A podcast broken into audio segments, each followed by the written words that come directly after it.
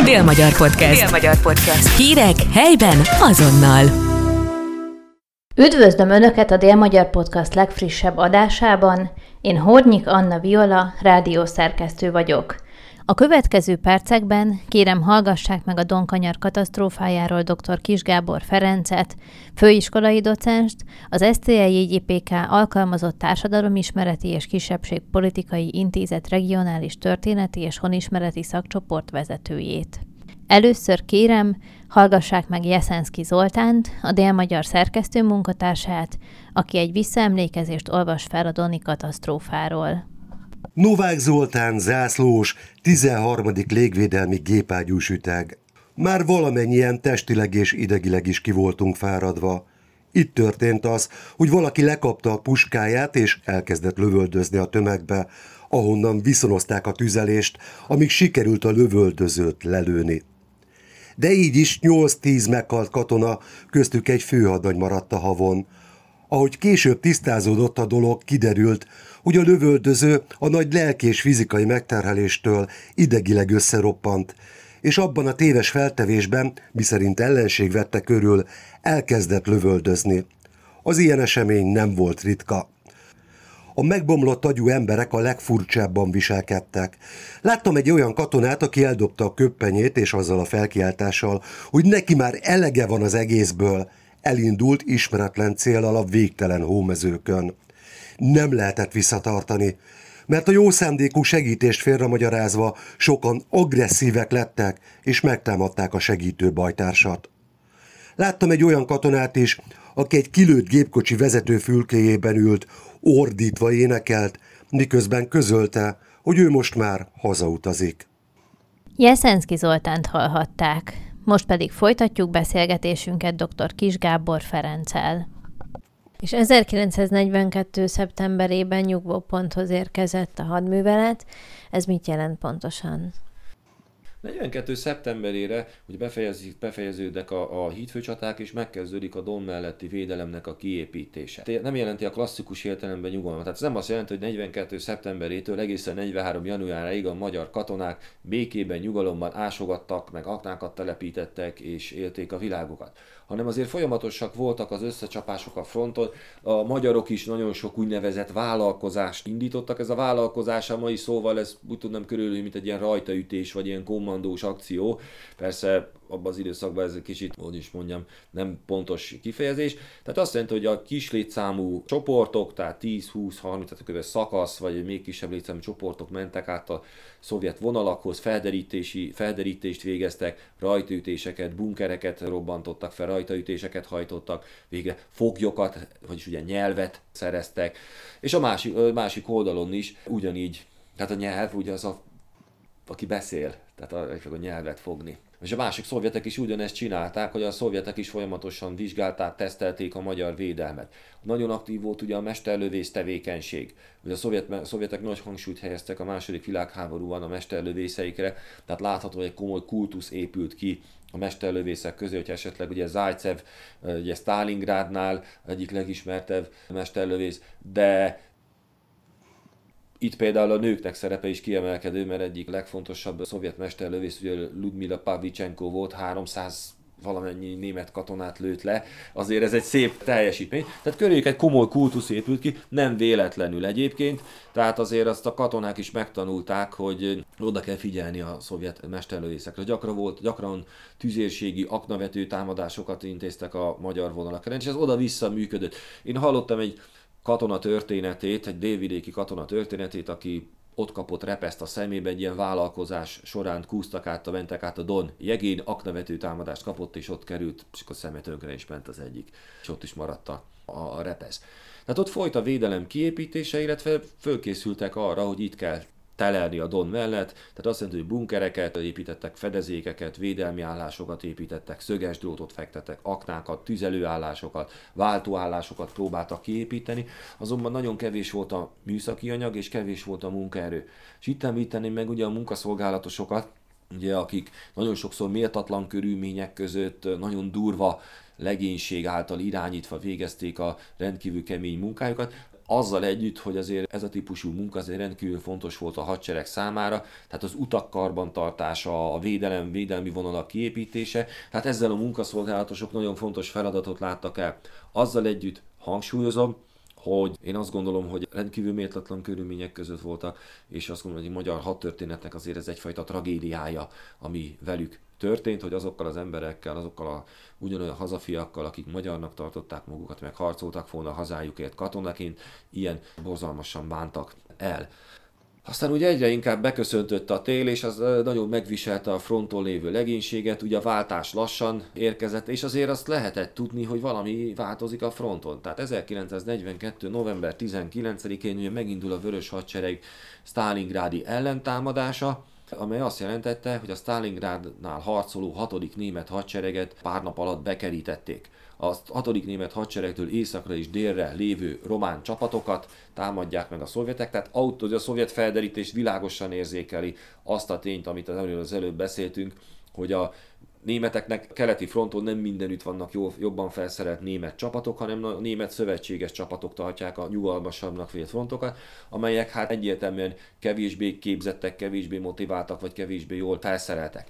És ezt a szovjet felderítés kitapintja, és nem a, ném, a hatodik német hadsereget támadja, hanem tőle északra és délre a gyengébbnek tartott románokat. És ez azt jelenti, hogy a keleti fronton előáll egy rendkívül súlyos helyzet, ugyanis innentől kezdve a német haderő, illetve a keleti fronton a legfontosabb figyelem arra irányul, hogy egyrészt valamit kezdeni kell ott bekerített hatodik német hadsereggel, másrészt az előre nyomuló szovjet csapatok támadását is szintén föl kell számolni, illetve hát a lehetőség szerint fölmenteni a Stalingrádi német csapatokat. Tehát nagyon súlyos helyzet alakul ki, és ez a magyar szempontból azért fontos, mert a rendelkezésre álló tartalékoknak a nagy részét, vagy szinte az összes tartalékot átirányítják az előnyúló szovjet, Stalingrad előnyúló szovjet csapatok megállítására. Ez azt jelenti, hogy a második magyar hadsereg, illetve az olaszok, illetve a második német hadsereg mögött gyakorlatilag egyetlen komoly tartalék van, ez az úgynevezett Kramer hadtest, és ez azért lényeges, mert ez lesz az, az a tartalék, amelyen majd próbálják majd felszámolni a magyar csapatok ellen támadó, magyarok ellen támadó szovjet csapatokat. Fontos információt azonban még meg kell osztanom erről a Kramer hatástól, hogy ezen a, a Kramer hatást alárendeltségbe tartozó alakulatok bevetéséről nem a magyar hadsereg parancsnoka, Jányi Gusztáv döntött, nem a német hadsereg csoport parancsnoka, hanem a legfelsőbb német hadvezetés. És nekik ugye mások voltak a prioritásaik adott esetben, mint mondjuk a magyar csapatoknak. Tehát látható, hogy azért már decemberre ugye rendkívül súlyos katonai helyzet alakult ki a keleti fronton, és azért ezt, erre a magyar felderítési adatok után is utaltak, hogy valami készül a szovjetek részéről. És annál is inkább, mert a novemberi támadást követte egy decemberi szovjet offenzíva tőlünk délre harcoló 8. olasz hadsereg ellen, és ez azt jelentette, hogy hát nyilván az is mondtam, az adatok is erre utalnak, hogy valami készülődik a, a magyarok ellen. Azonban pontosabban ezt nem sikerült meghatározni, hogy itt pontosan miről van szó, vagy hogy mikor fog erre sor kerülni, és az a szovjetek is ügyesen próbálták meg álcázni ezeket az erőfeszítéseiket. Ezt úgy hívják ugye a szovjetek, hogy maszkirovka, ugye az álcázásnak a, a tudománya vagy művészete. Tehát sikerül úgy felerősíteni az Uriv Storozsevolyai és a Csúcsé Perejesai hitfőben lévő szovjet csapatokat, hogy ez, ez, erről nincsen pontos képe a magyar hadvezetésnek. Álcázott hidakat alkalmaznak. Jó kérdés, hogy hogy lehet álcázni egy hidat. Víz alá sűjesztik. Tehát pont annyira, hogy teherautók, vagy akár egy ló, lovaskocsi, vagy egy lóvontatta eszköz, vagy akár egy katona gyalog még át tud sétálni, de a levegőből már kevésbé lehet látni, hogy a folyó színe alatt 20-30 cm-rel mondjuk egy híd van. Tehát a lényeg, hogy a szovjetek közben összegyűjtik a, az erőiket, ez lesz az úgynevezett Osztrogosz-Kroszosi támadó hadművelet, amelynek keretében a 40. szovjet hadsereg az Uriv Storozsevoi hídfőből támad, illetve a Csucsei hídfőből pedig a 18. önálló lövészhadtest csapatai készülnek fel a támadásra. A támadásnak igazából az a célja, a hídfőből támadó szovjet csapatok egyrészt áttörjék a magyar védelmi vonalakat, másrészt a stratégiai fontos célokat elérjék, illetve egy összetartó támadással bekerítsék az ott lévő német magyar csapatokat és megsemmisítsék. Ehhez megfelelő helyi fölényt alakítottak ki, tehát amikor azt mondjuk, hogy a szovjet csapatok fölénybe voltak a magyarokkal szembe, ez nem teljesen igaz, nem összességében voltak fölénybe, hanem csak a támadás súlypontján, tehát Urivnál, illetve Csúcsei fronton. De azt jelenti, hogy a többi frontszakaszon sokkal kevesebb erő állt rendelkezésre. Most a magyar csapatok eddig ezt az egész a keleti fronton lévő komoly időjárást azért eddig nagyon komoly megsínették. Tehát annak ellenére, hogy, hogy bunkerekben, meg fedezékekben voltak, ez nagyon nagy megterhelés jelentette a katonáknak. Maga az utánpótlás kiszállítása is rendkívül nehézkes volt a frontra. Ugye itt a ugye, főzőládákat alkalmaztak, amire kivitték a főtétet, de nagyon sokszor fagyottan érkezett meg az étel az első vonalban szolgálatot teljesítő katonákhoz. Ez ebből szempontból érdemes elolvasni, illetve megnézni Sára Sándor dokumentumfilmét, és azért mondom elolvasni, mert könyvalakban is megjelent, és ott egyik visszaemlékező írta le, hogy jól emlékszem, szuronnyal vagy baltával darabolták föl a fagyott ételt, meg a szalonnákat, mert annyira hát ehetetlenné vált, annyira kővé fagyott magyar csapatok egészségügyi állapota sem volt jó, ugye hiány volt ruházatból, és az ellátmány sem volt mindig megfelelő, tehát az a kiszállított német ellátmány az nem mindenbe felelt meg a magyar gyomornak. Ugye ismerős ugye a Hitler szalonna kifejezés, ugye ez a buktába szokták belerakni, ez a műlekvár gyakorlatilag. Hát a magyarok ezt nem nagyon szerették, a szardíniát nem nagyon szerették. Tehát a magyaroknak, ami köllött, és ezt ugye ilyen pótadagokban ki próbálták ki szállítani, ugye pálinka meg szalonna. Ezzel próbálták javítani az ellátásnak a, a minőségét. És az időjárás is annyira megterhelő volt, hogy akkor újra csak a pergőtűzből idéznék, hogy ez az említett Sára Sándor féle alkotásnak a könyvváltozata.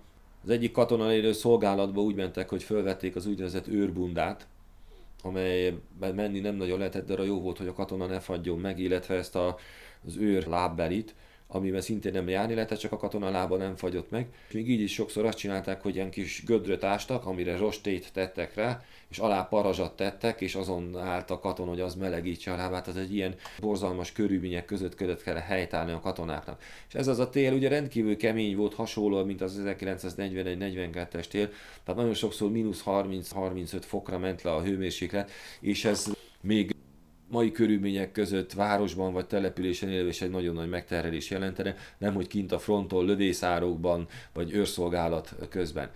Tehát ez nagyon megviselte a magyar csapatokat, hogy hiány volt a téli, szükséges téli ellátmányból, a téli felszerelésből, illetve ami mi ismertünk téli felszerelést, meg egyáltalán a magyar haderőnek a felszerelése, az nem a keleti fronton zajló időjáráshoz volt méretezve.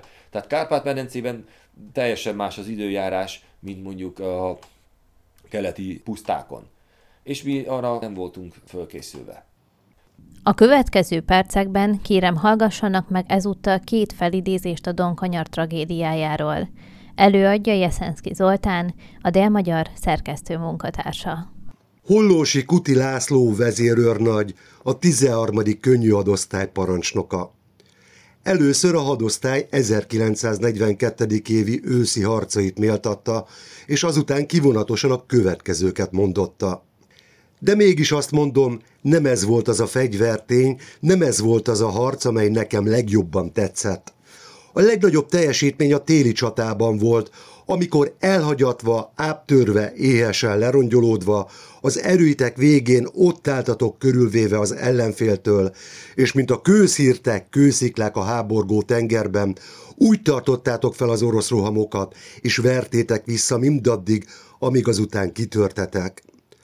Azután pedig a visszavonuló német csapatokat követve, mint utóvédek hagytátok el helyeiteket. Annak ellenére, hogy állásaitokat ott kellett hagynotok, a magyar katona becsületét megvédtétek, elhoztátok és azt megtartottátok. A legnagyobb ajándék, amit kaptunk tőletek, az a katona becsülete, a magyar nemzet a magyar katona becsülete. Sipos Béla szakaszvezető, 17. gyalogezred, ezred közvetlen aknavető század. Január 15-én éjfél után tűzoltással foglalkozunk. Legalább 30 fok hideg van. Majd, hogy meg nem fagyunk a hideg kuckóban. Reggel szomorúan vettem tudomásul, hogy az oroszok tőlünk délre betörtek, és hazamenet helyett a bevetéssel számolhatunk. Rossz a hangulat a ridegházban. Este ide menekül a hadtest, vonat és sok ellátó és gazdasági hivatal. Délről északra. Este megint befűtöttünk. Január 16-án rettenetes hideg éjszaka, legalább 30-35 fok. Délután újra megrakjuk a tüzet a Spicskiben. Nagyon rossz és hideg helyünk van. Várunk és fekszünk, szenvedünk. Este óvatosan tüzelünk, majdnem megfagyunk. Január 17-én rettenetes hideg, 35-40 fok hajnalban. Délelőtt riadóztatnak, és mint puskás századok fogunk szerepelni. Az én szakaszomban be vagyunk osztva egy puskás hadnagy parancsnoksága alá. A szállásunk változik, de helyet csak nagy nehezen tudunk kapni. Kosztunk, úgy látszik, lesz dosztig. Olyan hideg az este és az éjszaka, hogy a fák durrognak. Azt csodálom, hogy meg nem fagyunk fél napokig meleg ruha nélkül kint a hidegben, és a lovak hihetetlen sokat kibírnak. Jeszenszki Zoltánt hallhatták. Most folytatjuk beszélgetésünket dr. Kis Gábor Ferenccel. És 1943. január 12 és 14 között ugye sor került az áttörésre. Ezt hogyan képzeljük el? Tehát, mint beszéltünk róla, hogy a Vörös Hadsereg nagyon jól előkészítette ezt a támadást. Komoly tüzérségi és harckocsi fölényt alakított ki a magyar csapatokkal szembe. Még harckocsikban fölényt nem is volt nehéz kialakítani, mert a védekező magyar csapatoknak nem volt harckocsijuk. A második magyar hadsereg alá tartozó első páncélos hadosztály az ugye tartalékban volt, tehát az azt jelenti, hogy a, a fenyegetett helyeken vetik be esetleg, de az első vonalban nem voltak páncélosaink, és kevés volt a korszerű páncélelhárító eszköz is. És a meginduló szovjet támadás viszonylag gyorsan sikert ért, tehát jól mutatja, hogy amikor január 12-én Urivnál megindul a szovjet támadás, az először egy ilyen kisebb méretű, tapogatózó támadás volt, de már az olyan eredményt ért el, hogy a támadó szovjet, szovjet csapatok parancsnoka önhatalmulag megindította a fő offenzívát, amelyel sikert ér, rögtön sikert ért el, és nem sokkal később megindul a csúcsjai szovjet támadás is. Miért történt ez? Egyrészt a szovjet hadsereg koncentrált támadása, másrészt az, hogy a magyar védelem nem volt megfelelően kiépítve nem voltak megfelelő tűzeszköz, nem volt megfelelő lőszermennyiség, nem voltak megfelelő tartalékok, és az, hogy a védelem nem volt megfelelően képítve, az elsősorban azt jelenti, hogy nem volt védelemnek mélysége. Hát amint az első védelmi vonalakból kivetette a szovjet támadás a magyar csapatokat, a magyar erőknek nem volt hol megkapaszkodniuk. Nem volt második, harmadik védelmi vonal, ahol a visszavonulva fölvették volna a harcot. Nagyon kevés volt a tartalék, amelyeket mozgósítani lehetett volna a szovjet áttörés er megállítására, erre teszelésére. De a helyi tartalékok semmiképpen sem voltak erre elegendőek, az úgynevezett Kramer hadtest, mint tartalékerő pedig azért nem volt elegendő, mert egyrészt részenként vetették be, Másrészt késve indultak meg, és így nem is tudtak időben odaérni a fenyegetett helyekre, bár így is fontos szerepet játszottak a Kramer hadtest alakulatai a szovjet támadás lassításában, és ezáltal megnövelték a túlélés lehetőségét, de magát az áttörést már nem tudták megállítani. És a szovjetek nagyon gyorsan haladtak el, annak ellenére, hogy azért a magyar csapatok hűsiesen próbáltak helytállni, nagyon borzalmas körülmények között, gondoljunk az időjárás és a szovjet fölére, nagyon sokszor álhatatosan harcoltak. Ki lehet emelni akár az első páncélos hadosztálynak a csapatait, vagy a 13. könnyű hadosztály csapatait, és amely alá szegediek is tartoztak. Azért a magyar csapatok teljesítményét mutatták, hogy a szovjet hadsereg is, ha jól emlékszem, elég komoly veszteséget szenvedett, 26-28 ezer főnyi veszteséget szenvedett el a támadó szovjet haderő. Ez azért azt mutatja, hogy nem volt problémamentes a, a szovjet támadás is, illetve azt igazolja, hogy ez nem arról szólt, hogy a magyar csapatok eldobálták a fegyvereiket, azt úgy vonultak vissza. Számos mítosz keletkezett egyébként egy, ekkor többek között ez is, hogy a magyar csapatok fegyver nélkül vonultak vissza. Ez jelentős részben ugye abból fakadt, hogy ekkor folyt a magyar csapatoknak a felváltása, és a kiérkező felváltó alakulatok azok fegyver nélkül érkeztek ki a frontra, hogy átvegyék a fronton harcolók fegyverzetét, akik aztán szintén hazamennek fegyver nélkül. Ez logisztikailag ebben van logika, hogy minek cipelni a harceszközöket, hogyha átvehetjük itt. Azonban pont ekkor a felváltáskor beinduló szovjet támadás azt eredményezte, hogy a fronton lévő magyar csapatok egy része, tehát a felváltók, vagy már a felváltottak, azoknak nem volt megfelelő mennyiségű fegyverzetük. Aztán ugye azt a látszatot, ezt a látszatot igaz mutatja az is, hogy a fegyver hiánya sokszor azért volt, hogy megsemmisültek a magyar eszközök. Tehát a magyar tüzérek nagyon sokszor az utolsó lövedékig harcolva próbálták megállítani a szovjeteket, hogy aztán az utolsó, utolsó gránátjaikat arra lőtték ki, hogy, hogy vissza, fedezzék a visszavonulásokat, illetve hogy felrobbantsák a saját lövegeiket. Tehát itt nagyon hősies helytállásról, ellenállásról van szó, és csak a harmadjára is utalok a dokumentumfilm sorozatra Krónikában, de nagyon sok ilyet készítettek, ilyen dokumentumfilmet, amiben az akkor az eseményeket megélők arról nyilatkoztak, hogy hogy a bajtársiasságra is számos szép példa akad, hogy a hősiesség mellett ez is egy komoly, hogy is mondjam, továbbviendő érték, hogy a magyar katona ilyen körülmények között is tudott bajtársias lenni. És azért ezt hangsúlyozom ki, mert természetesen a támadás maga egy tragédia volt. Súlyos veszteségekkel járt, gyakorlatilag harcképtelenné vált a második magyar hadsereg, de ezt tudjuk. Ezt mindenki tudja. És nagyon fontos azt is tudni, hogy nem csak ezen oldala volt, hogy a tragédia mellett ott volt az áldozathozatal, a hősiesség, a szolidaritás, ott volt a az a példa, ami adott esetben napjainkban is példának lehet fölhozni a napjaink emberei vagy a rádióhallgatók számára. Dr. Kis Gábor Ferencet, az STI-GPK alkalmazott társadalomismereti és kisebbségpolitikai intézet regionális történeti és honismereti szakcsoport vezetőjét hallhatták. A műsor zárásaként kérem hallgassanak meg egy visszaemlékezést a Donkanyarnál történtekről Jeszenszki Zoltán előadásában. Napjaink keservesen telnek. Ma a dompartot és régi kolhozunkat. 24-én indultunk az ászlóhajtól Gremjascse felé. Ronda idő volt, erős hó és szélfúvás, alig lehetett menni. Délen nehéz lett a helyzet, segíteni kell. Régi helyünkön alig maradt pár ember, itt ők tartják a vonalat. Mi csak dél felé megyünk. Úgy látszik, szükség van ránk. Már három éjszaka nem aludtam, és két este nem ettünk vacsorát. Este nem tudták behozni, és csak reggel jött meg a konyha, de már akkor minden romlott volt. Megenni már nem lehetett. Így hát koplaltunk másik estig. Német József tizedes, 17. gyalogezred, harmadik zászlóaj. A visszaemlékezéseket Jeszenszki Zoltán, a délmagyar szerkesztő munkatársának interpretációjában hallhatták. Az interjú dr. Kis Gábor Ferenccel, főiskolai docenssel készült. Ez volt a Dél-Magyar Podcast legújabb adása, Hornyik Anna Viola beszélgetett. Dél-Magyar Podcast. Dél-Magyar Podcast. Hírek helyben azonnal.